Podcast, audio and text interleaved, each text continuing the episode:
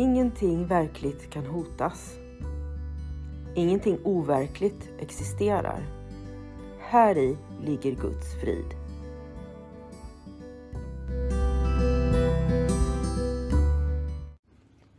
Mitt namn är Magdalena Wiklund och den här podden handlar om hur jag fann frid. Allting har sin grund i Helen Schuckmans uppenbarelser då Jesus dikterade det som sedan skulle bli boken en kurs i mirakler för henne. Jag kommer att referera både till kursen och till Bibeln eftersom Helen fick så mycket förklarat för sig av Jesus om hur vi egentligen bör tolka Bibeln.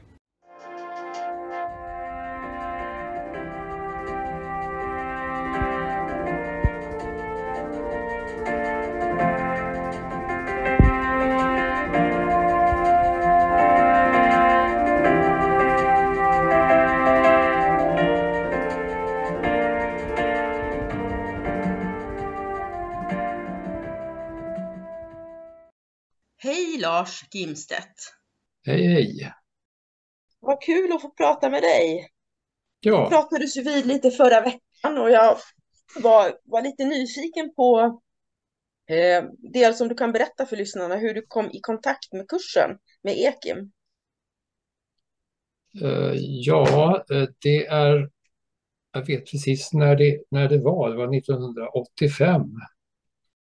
Och eh, vi befann oss som familj i USA.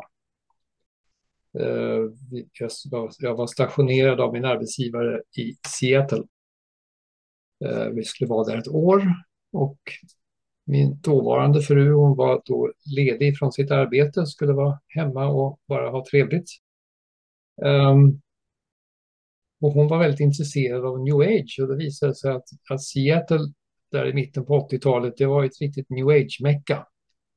Ja, ja. Eh, Så hon var på alla möjliga kurser och föredrag. Och en dag kom hon hem och berättade om att det hade varit på ett jätteintressant föredrag om någon som berättade om en bok som hade kanaliserats av Jesus. ja. Och, och eftersom jag var ateist på den tiden och, och hade väl inte egentligen några synpunkter på, på religion eller religiösa människan, att, att jag tyckte att religiösa människor var väl okej, de var väl oförargliga. Mm.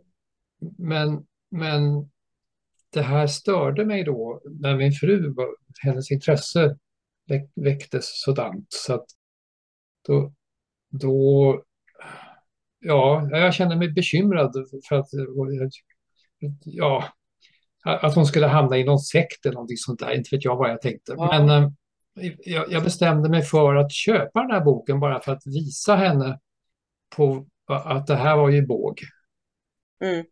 Ehm, så det var ju ett lite listigt sätt av den heliga ande att lura in mig i det där och läsa en bok på 1200 sidor bara för att tala om för min fru att det inte, att det inte var sant. Och det, till saken hör att hon läste den aldrig för att så intresserad var hon inte. Nämen. Det var du som åkte dit. Det var jag som åkte dit. Så, så när jag läste den så, så, så läste jag den då med målsättningen att, att förstå vad det var för slags galning som hade skrivit den här. Och, och när jag hade läst ett tag så var det ju svårt att hitta någon galning där. Och när jag dessutom började inse att jag faktiskt höll med om det som stod där så, så hamnade ju jag ju i någon slags ja, vad ska man säga, existentiell eller lite kris i världsbild. Jag, jag är då fysiker i botten, Mm. vetenskapligt skolad och har arbetat under halva mitt yrkesliv i alla fall som Mm. ingenjör, utvecklingsingenjör och, och inom näringslivet. Um, för att göra en Ja. lång historia kort så ledde det där då till så småningom att jag faktiskt hoppade på en fyraårig terapeututbildning inom psykosyntes som jag då hittade var den enda som faktiskt sa att den stod på andlig grund. Mm. Eh, och det ledde då till att jag skolade om mig i typ 40 års ålder till psykoterapeut. Så att jag har faktiskt hunnit med att jobba i 30 år som ingenjör och sen i 30 år som terapeut. Ja. Så kursen har verkligen ge, orsakat en väldigt stor förändring i ditt liv kan man säga. Ja, den orsakade yrkesbyte helt enkelt. Ja. Ehm, och, och omgivningen var väl, för att uttrycka det milt, lite, lite förvånade över allt det här. va. Men, men jag brukade förklara det för dem att jag, att jag hade upptäckt att jag hade en hjärnhalva till. ja. Hur, to- hur tog de det då? Jo, det tyckte de ju. Ja, äktenskapet höll inte i och för sig, men det kan man, det kan man ju i och för sig förstå. Det hade inte bara den här. Men, eh, men jag hade ju använt vänster hjärnhalva under hela mitt liv. Ja, Och plötsligt upptäckte jag att det fanns en höger hjärnhalva också. ja just det. Ja, kursen. Jag, jag tänker att även om man är ateist så har man ju sin, eh, sitt rättesnöre i livet. Vi tror lite på lite olika saker, olika människor eh, som ligger till grund för hur vi tar våra beslut och så. Har kursen påverkat hur du tar stora beslut i livet idag? Ja, den påverkade mig att ta ganska stora beslut där en gång i tiden. Um, ja, jag vet inte om min anledningen till att jag faktiskt eh, uh, tyckte, fortsatte att läsa den. Jag läste ju om den sen en gång till med nya ögon och sen gjorde jag ju lektionerna och, och, sen, ja, och sen har jag ju då jobbat med den.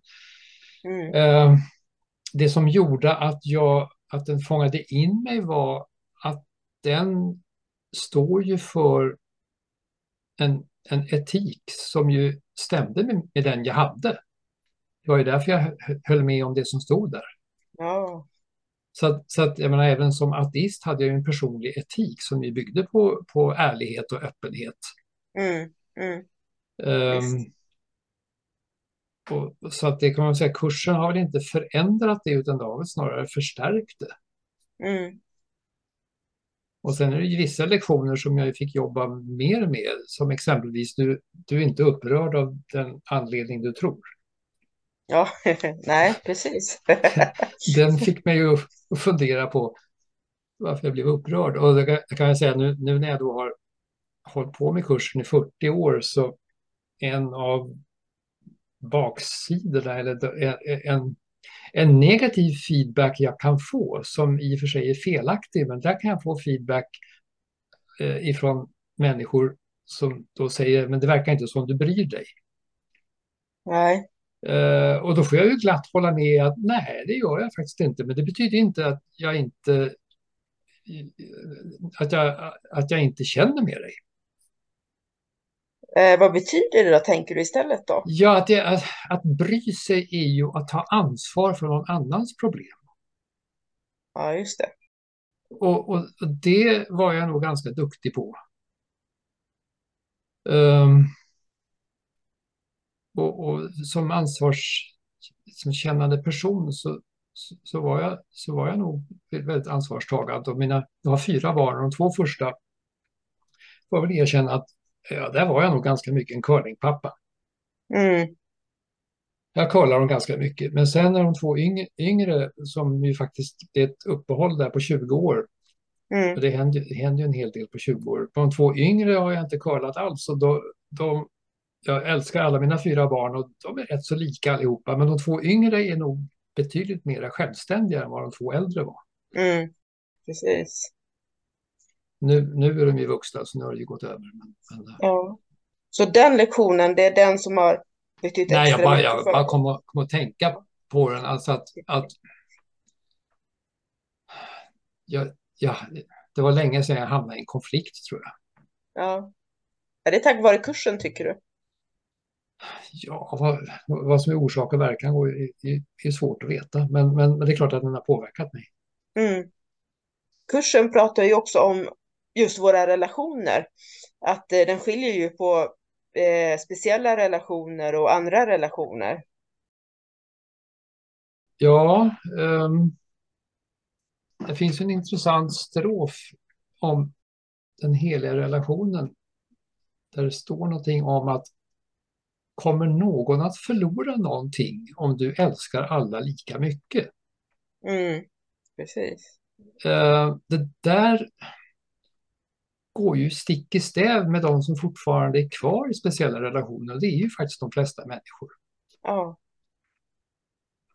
Eh, Så då får man väl anstränga sig lite mera och visa dem att, att trots att jag ställer mig positiv till, till alla människor i grunden. Det betyder inte att jag ställer mig till, positiv till allting vad människor gör. Nej. Men, men jag ställer mig positiv till vad de är. Mm. Ehm, så, så i de fall där jag då lever i en relation eller har relation med mina barn, då, då får jag väl anstränga mig lite mer och, och säga att ja, men jag älskar dig. Alltså sätta ord på det. Mm. För jag blir lite nyfiken, jag, jag som inte har några barn, hur, hur funkar det att leva, eh, att efterleva det, att inte ha en speciell relation till sina barn? Går det verkligen?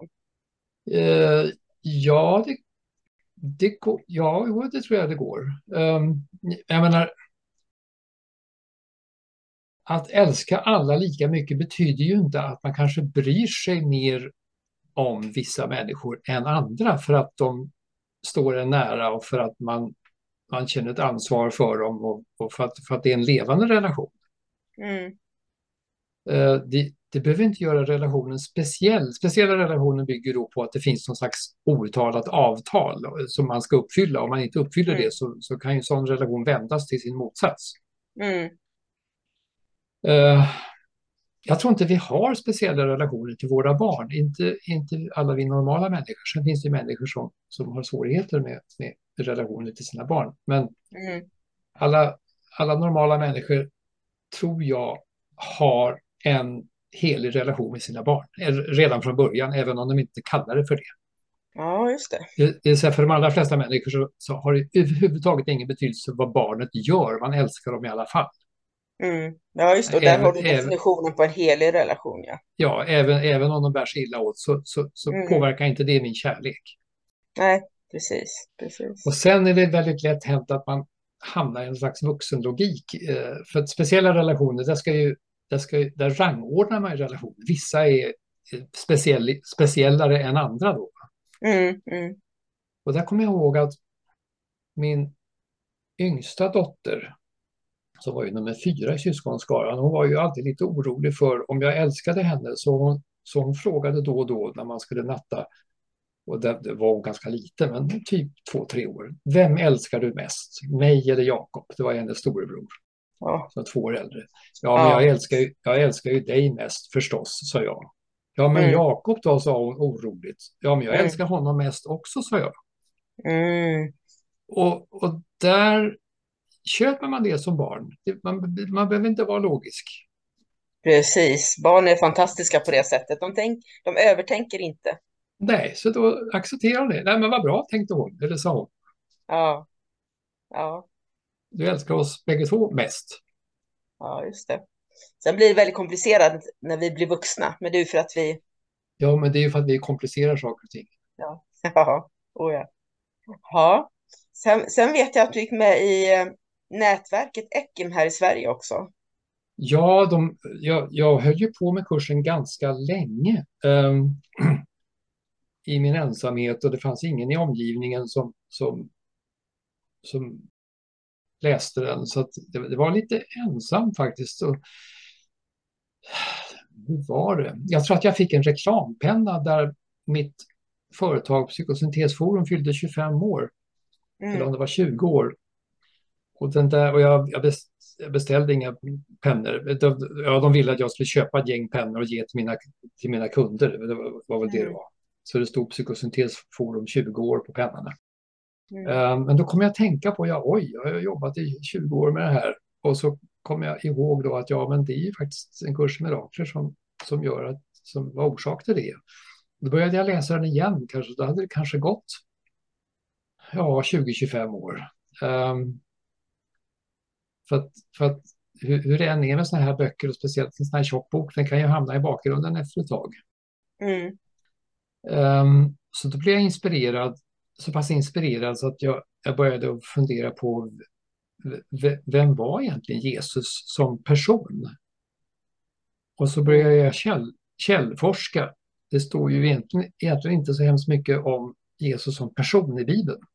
nej, Eh, som jag då, jag hade aldrig läst Bibeln, så att, så att, så att jag lus, lusläste Bibeln, framförallt Nya Testamentet och i all synnerhet evangelierna och konstaterade mm. att alla fyra evangelierna är samstämmiga till 75 procent. Sen är det 25 procent som inte stämmer alls. Okej. Okay. Um, ehm, så då började jag att göra källforskning i, i, i romersk historieskrivning. Um, och där finns ju Jesus dokumenterad. Uh, och det finns även i indisk och nepalesisk historieskrivning uh, så Aha, står det omtalat en person som heter Mäster Issa. Okej. Okay. Som ska ha varit verksam där ungefär vid den tiden. Mm. Och Issa låter ju ganska lik Jesus. Ja. Um, så att jag hittade en massa olika material och så det fick mig, jag blev inspirerad av att skriva en, en bok som heter Jag Jeshua, väckaren. Mm. Som där jag ja, lite försökte använda det material jag hade fått och min fantasi till att skriva det evangelium som Jesus själv hade kunnat skriva. Så, det, så att jag, skrev, jag skrev den i jag-form helt enkelt. Ja. Um, och, och, sen när jag då skulle marknadsföra den här boken, då, då, då kollade jag runt. Liksom, jag, vilka skulle tycka en sån här bok var intressant då? Och då stötte mm. jag på nätverket En kurs i mirakler. Så då gick jag med där. Men, men eh, så det är bra. Det är väl, det måste vara 15 år sedan. Och sånt där. Mm. Ja, ja, då upptäckte jag ju då, min målsättning var ju att göra reklam för en bok, men då upptäckte jag ju en gemenskap som jag hade saknat. Vad har den gemenskapen betytt för dig? Vad har den gjort för dig och ditt liv? Ja, ja framförallt är det ju, och jag tror att det här är nog så för många som läser kursen, att de känner sig lite ensamma för det, de har ingen i omgivningen de egentligen kan dela de här tankarna med. Mm. Och i nätverket har vi ju då två träffar om året där vi träffas. Det brukar vara 20-25 personer. Mm. Där alla tänker på samma sätt. Och tänker på det här ju lite avvikande sättet som, som, som det ju är. Mm. Eh, kan koppla av och vara fullständigt öppen med vad man tänker och tycker. Mm. Mm. Hur ofta träffas så, ni? Två gånger om året har vi träffar.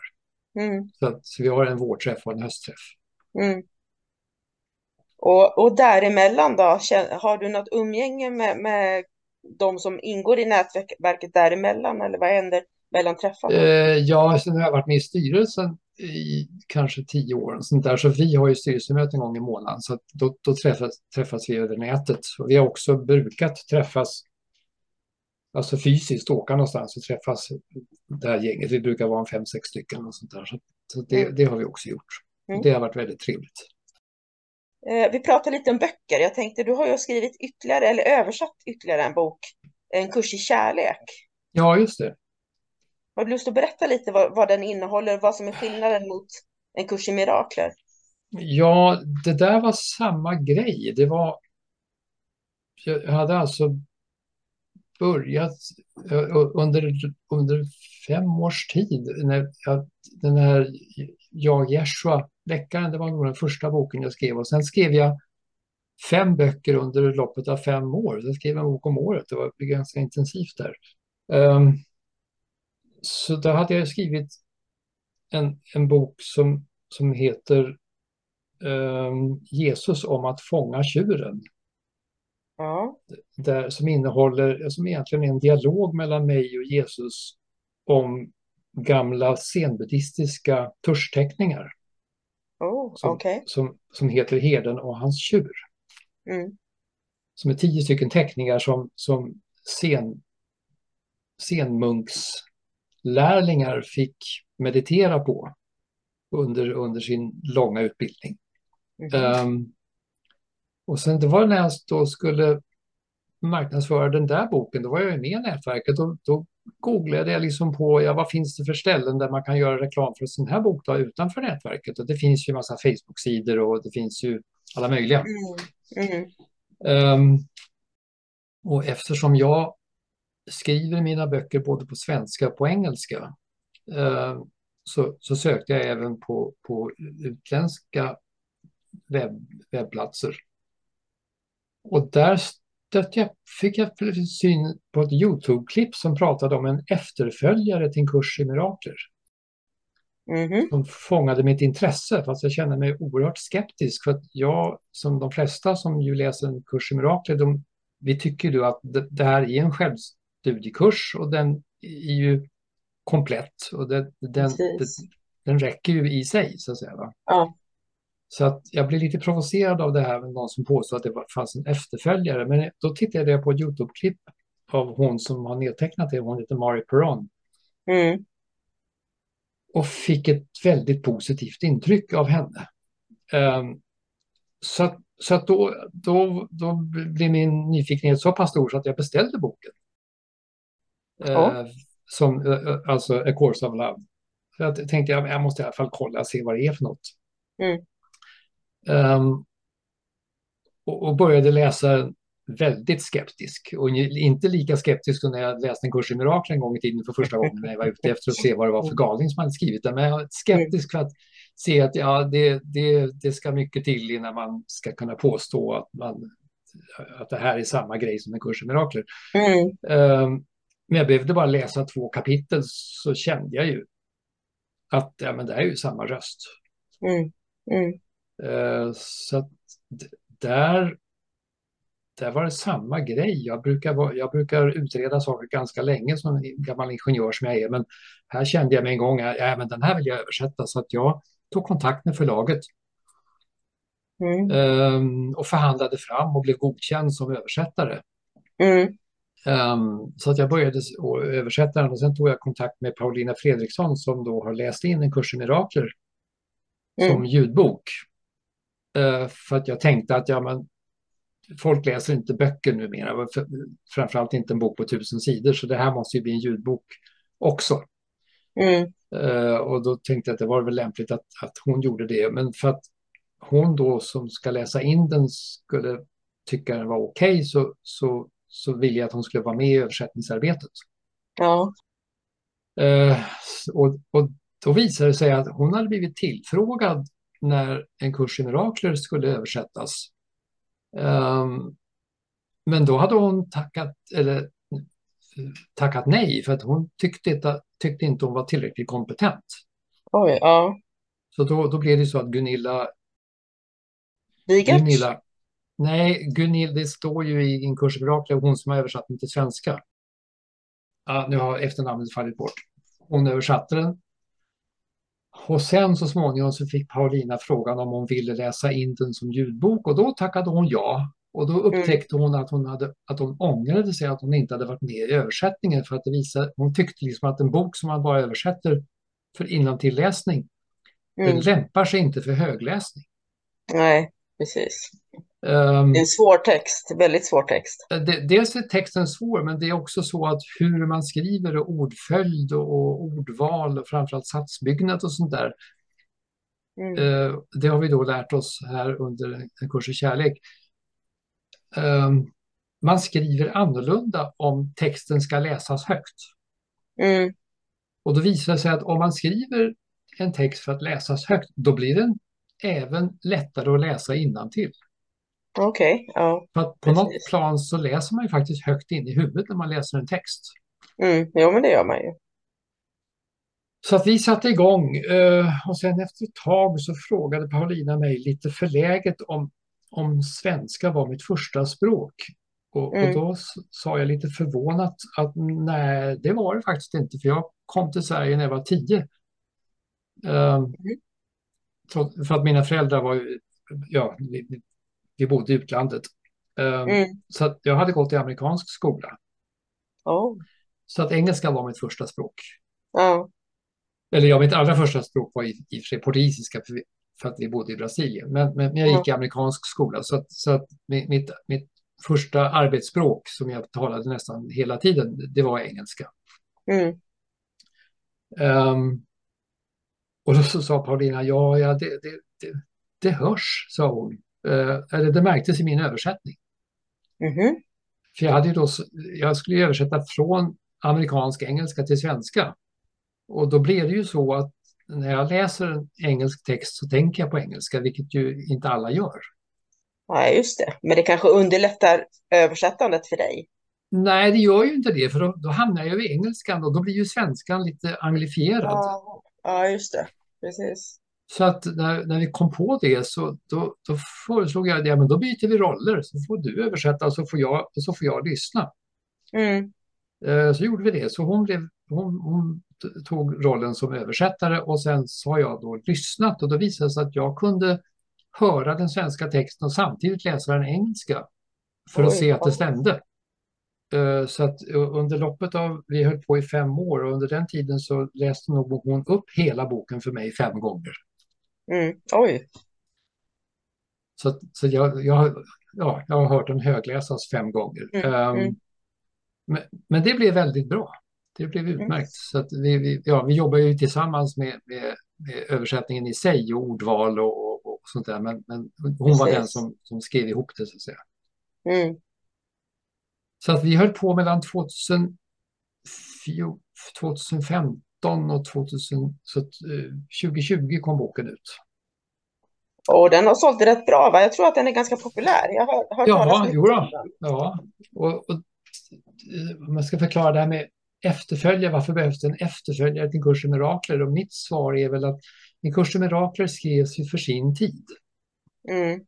Den skrevs i, i en amerikansk kultur där, där den kristna högern var väldigt dominerande. Mm. Och, som ju är ganska bokstavstroende och, troende och lite dogmatisk.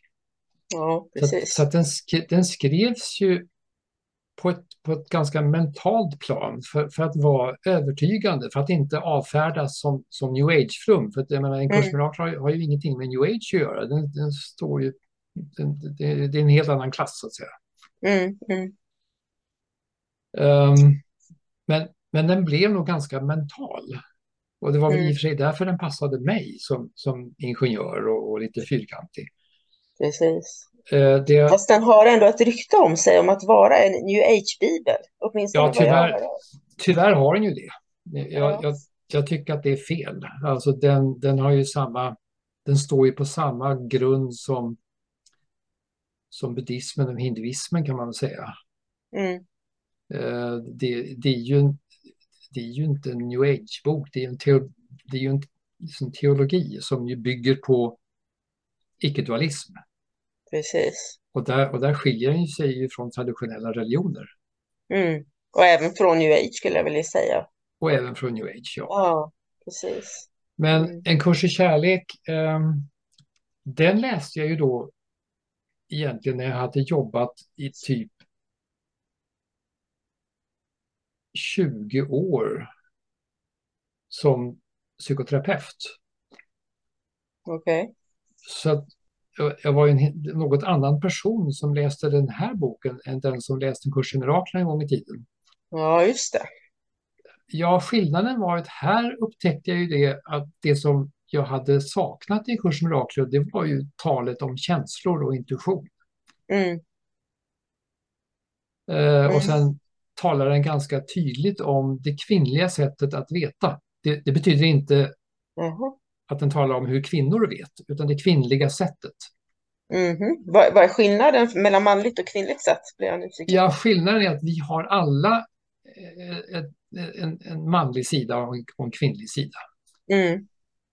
Ehm, den är naturligtvis, den manliga är mer dominerande hos män och den kvinnliga är mer dominerande hos kvinnor. Men vi har ju alla bägge två. Mm. Och de som hamnar väldigt mycket i, i den som hör till sitt, till sitt eget kön, de kan ju ha svårt att kommunicera med det andra könet.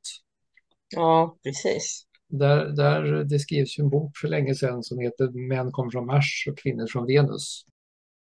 Män behöver odla sin kvinnliga sida Ja.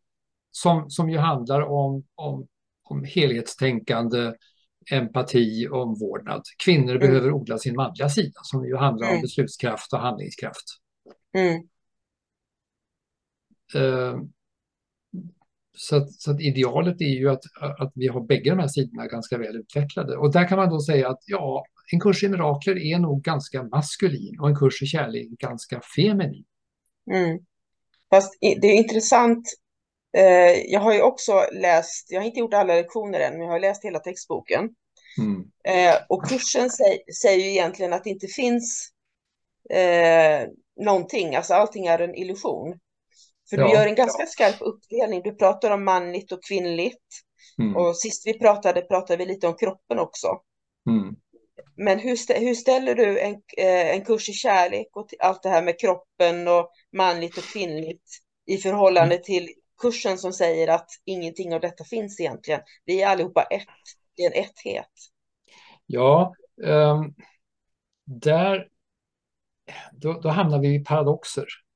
Eh, En, en paradox som är i samma klass som treenigheten, Mm. som ju där man har skapat ett ord som alla på något sätt har köpt och man är van vid, men egentligen så är ju treenigheten helt ologisk. Alltså, Mm. Den säger ju att Gud, den heliga Ande och Guds son är ett.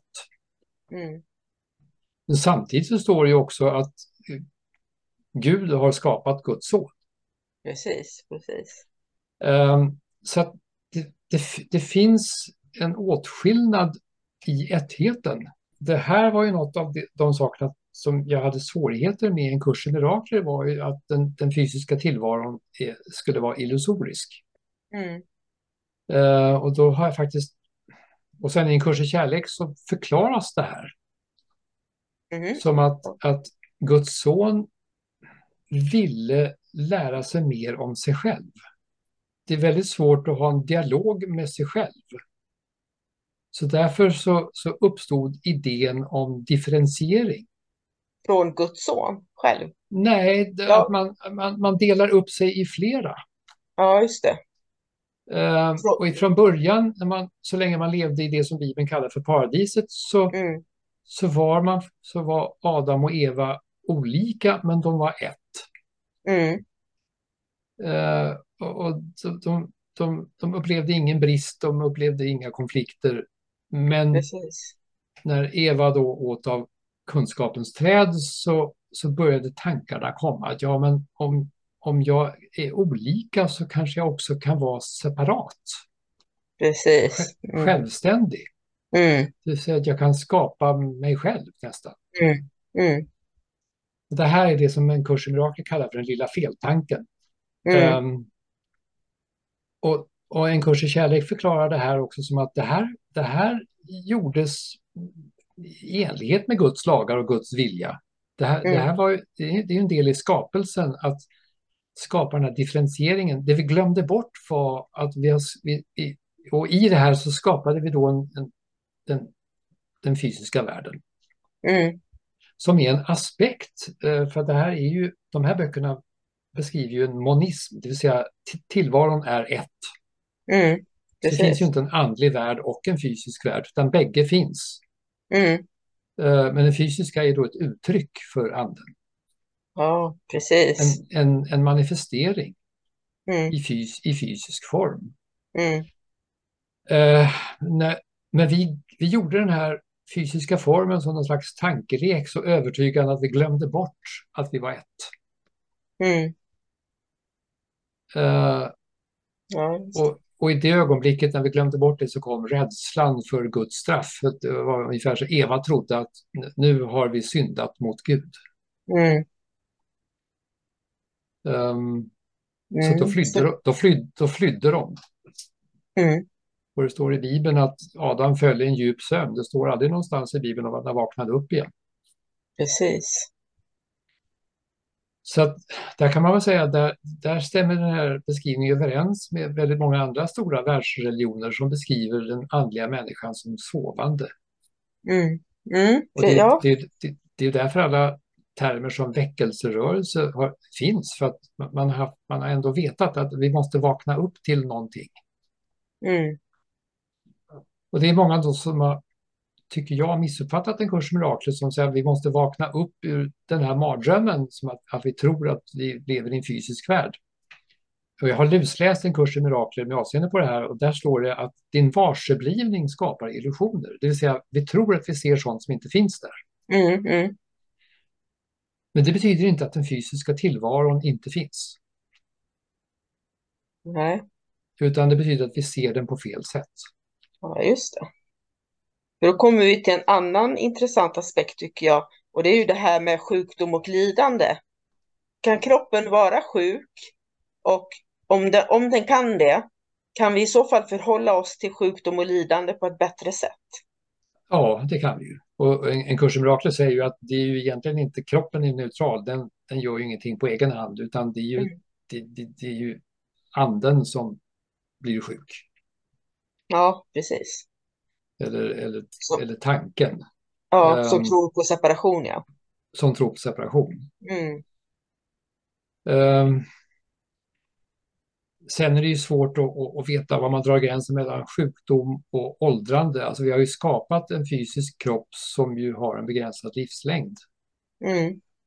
Och i, i med det så, och när vi, eftersom vi då har övertygat oss själva om eller att jag är min kropp och jag är ingenting annat så trodde man ju då att man, man skulle dö. Precis. Uh, uppvaknandet är ju då att man vaknar upp till att inse att min, min ande kommer aldrig att dö. Nej. Precis. Kroppen kanske jag använder så länge som jag behöver den och sen kommer jag lägga den åt sidan när jag inte behöver den längre. Mm. Och då kommer, kommer vi egentligen till min avslutande fråga. Vad händer efter döden? Um, ja, på, på ett fysiskt plan så, så händer det ju att man lämnar sin kropp. Uh, på ett andligt plan, på, på min identitet så händer ju egentligen ingenting. Ja, en, en annat än att, att, det, att det, ja, det blir en förändring. Men, men mm. det, är inget, det är ju ingenting som tar slut. Så min medvetenhet om, om mig själv om ettheten, den kommer att leva kvar i evighet? Ja. Alltså när du säger det, jag får lite bilder, jag vet inte om du har sett filmen Ghost med Patrick Schweiz bland annat. Mm, nej. Från 80-talet. Nej, okej. Okay. Eh, han, han blir mördad och eh, hjälper sin fru att hitta mördaren. Hans själ lämnar kroppen och så går han omkring i världen. Ja, och hjäl mm. hjälper sin fru. Det är lite den bilden jag får. Mm. Ja, det, det, det, det, finns säkert, så att säga, när människor dör så tror jag att vad man tror på, tror man på reinkarnation så kommer, väl, kommer det förmodligen vara det man upplever. Om man inte tror på reinkarnation så kommer man inte uppleva det. Så jag, jag tror att även reinkarnation, hela den fysiska manifestationen finns i massa olika former. Mm.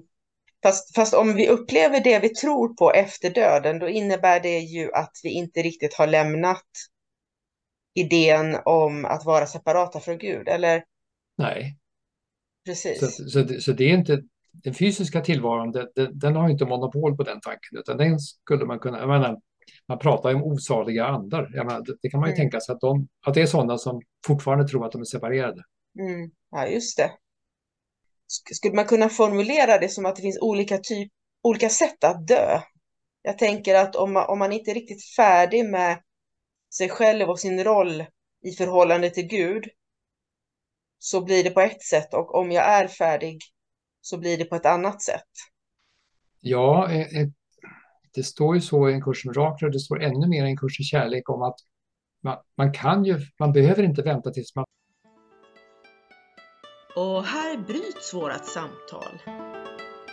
Och vi måste därför ringa upp varandra igen.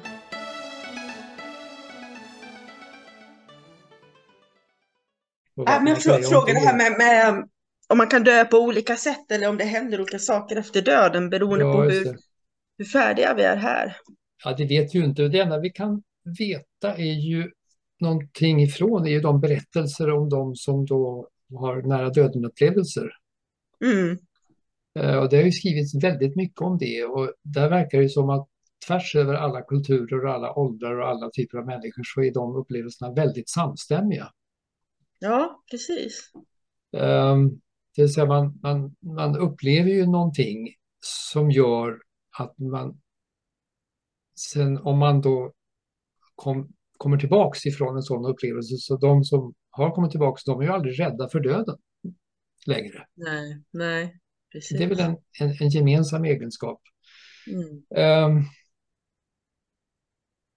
så att det, det, det, det, låter som att de vaknar upp till en ny verklighet.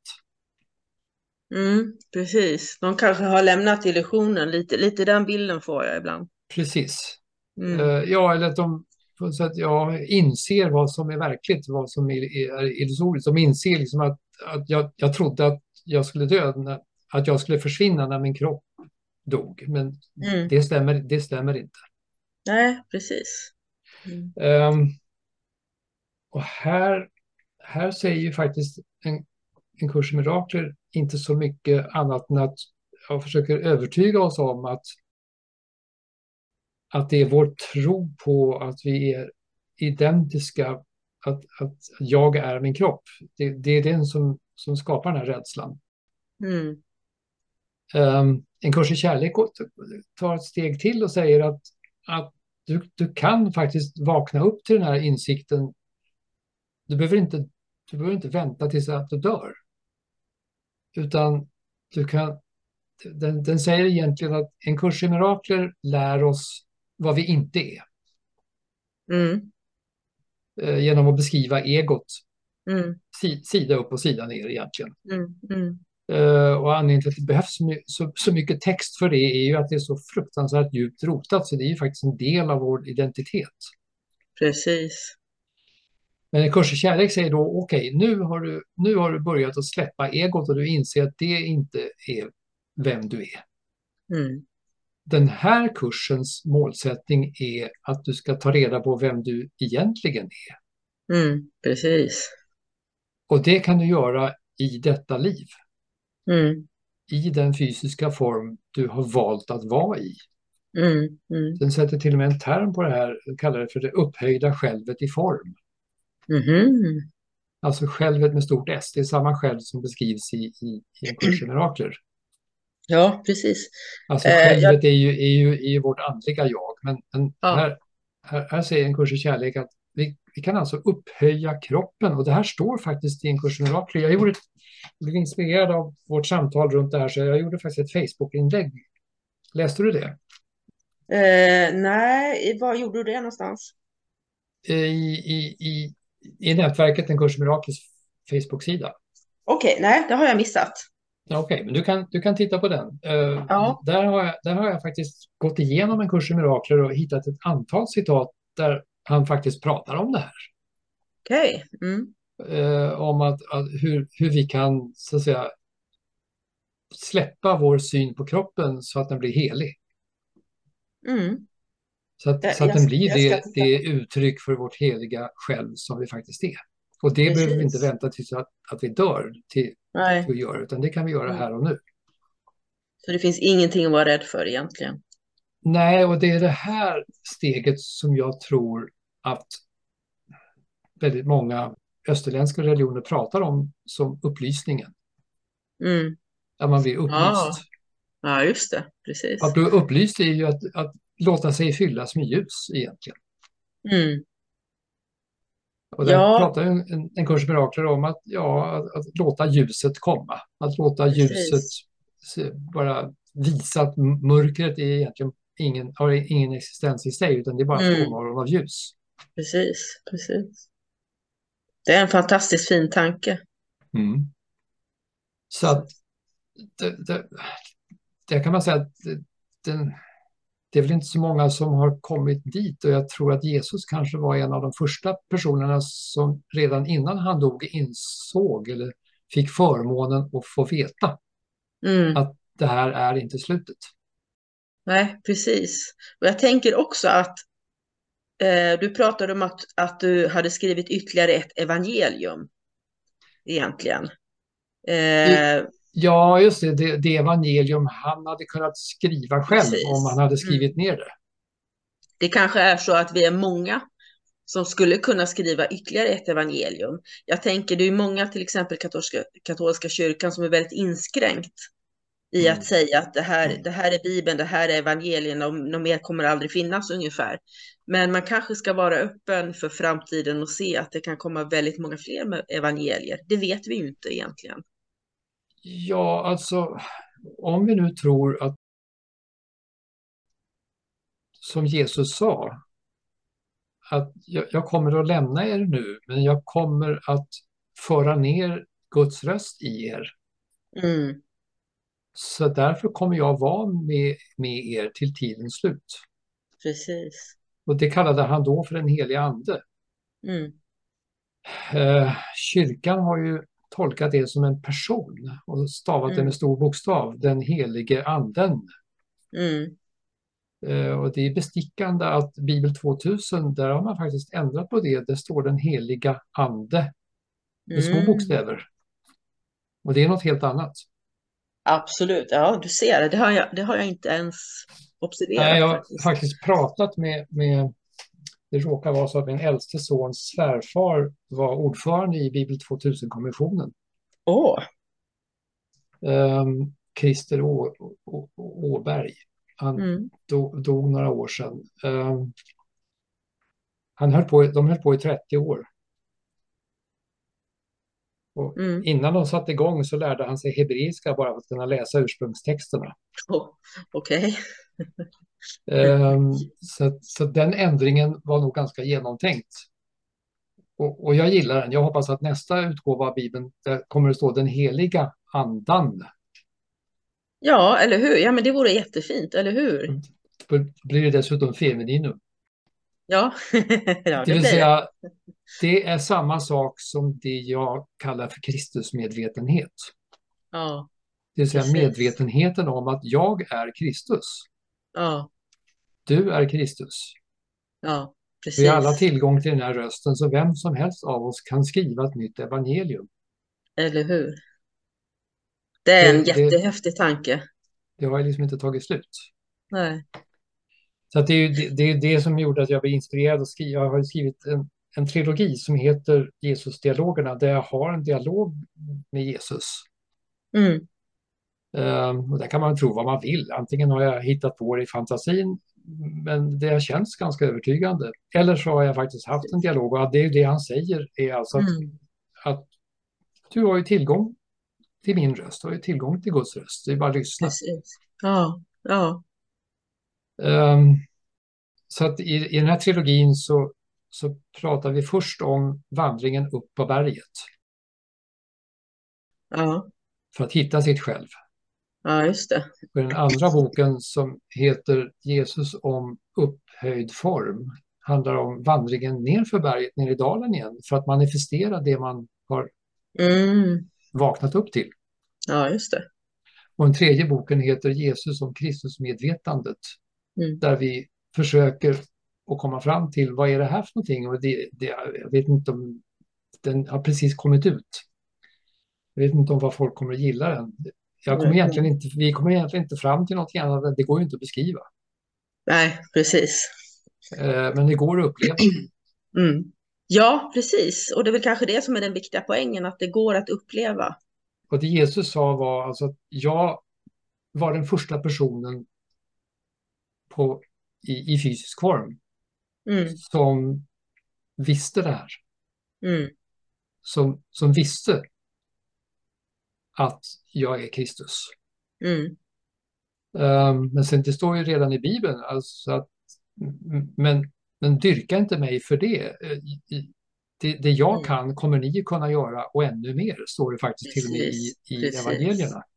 Ja, Men det var, det var väl ingen som trodde på det. precis. Nej, det är ingenting man har lagt så mycket fokus på idag.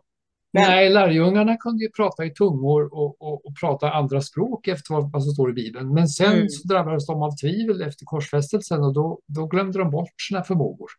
Mm. Ja, Men det, men det står har... faktiskt i Bibeln att, att även lärjungarna helade ju. Ja, absolut. Ja, men precis. Och vi är ju på väg, några av oss på, på den här jorden är i alla fall på väg tillbaka till den kunskapen så att säga. Ja, just det. Mycket tack vare Helen Schuckman. Mm. Så det är fantastiskt. Och jag känner också, alltså tack för det här samtalet. Det är ett fantastiskt Mm. fint samtal. Det har givit mig massor av insikter. Ja, kul. Så även om kursen är en, Mm. är en självstudiekurs så tror jag att det är jätteviktigt att träffas och att prata. Just att dela insikter med varandra på det här sättet.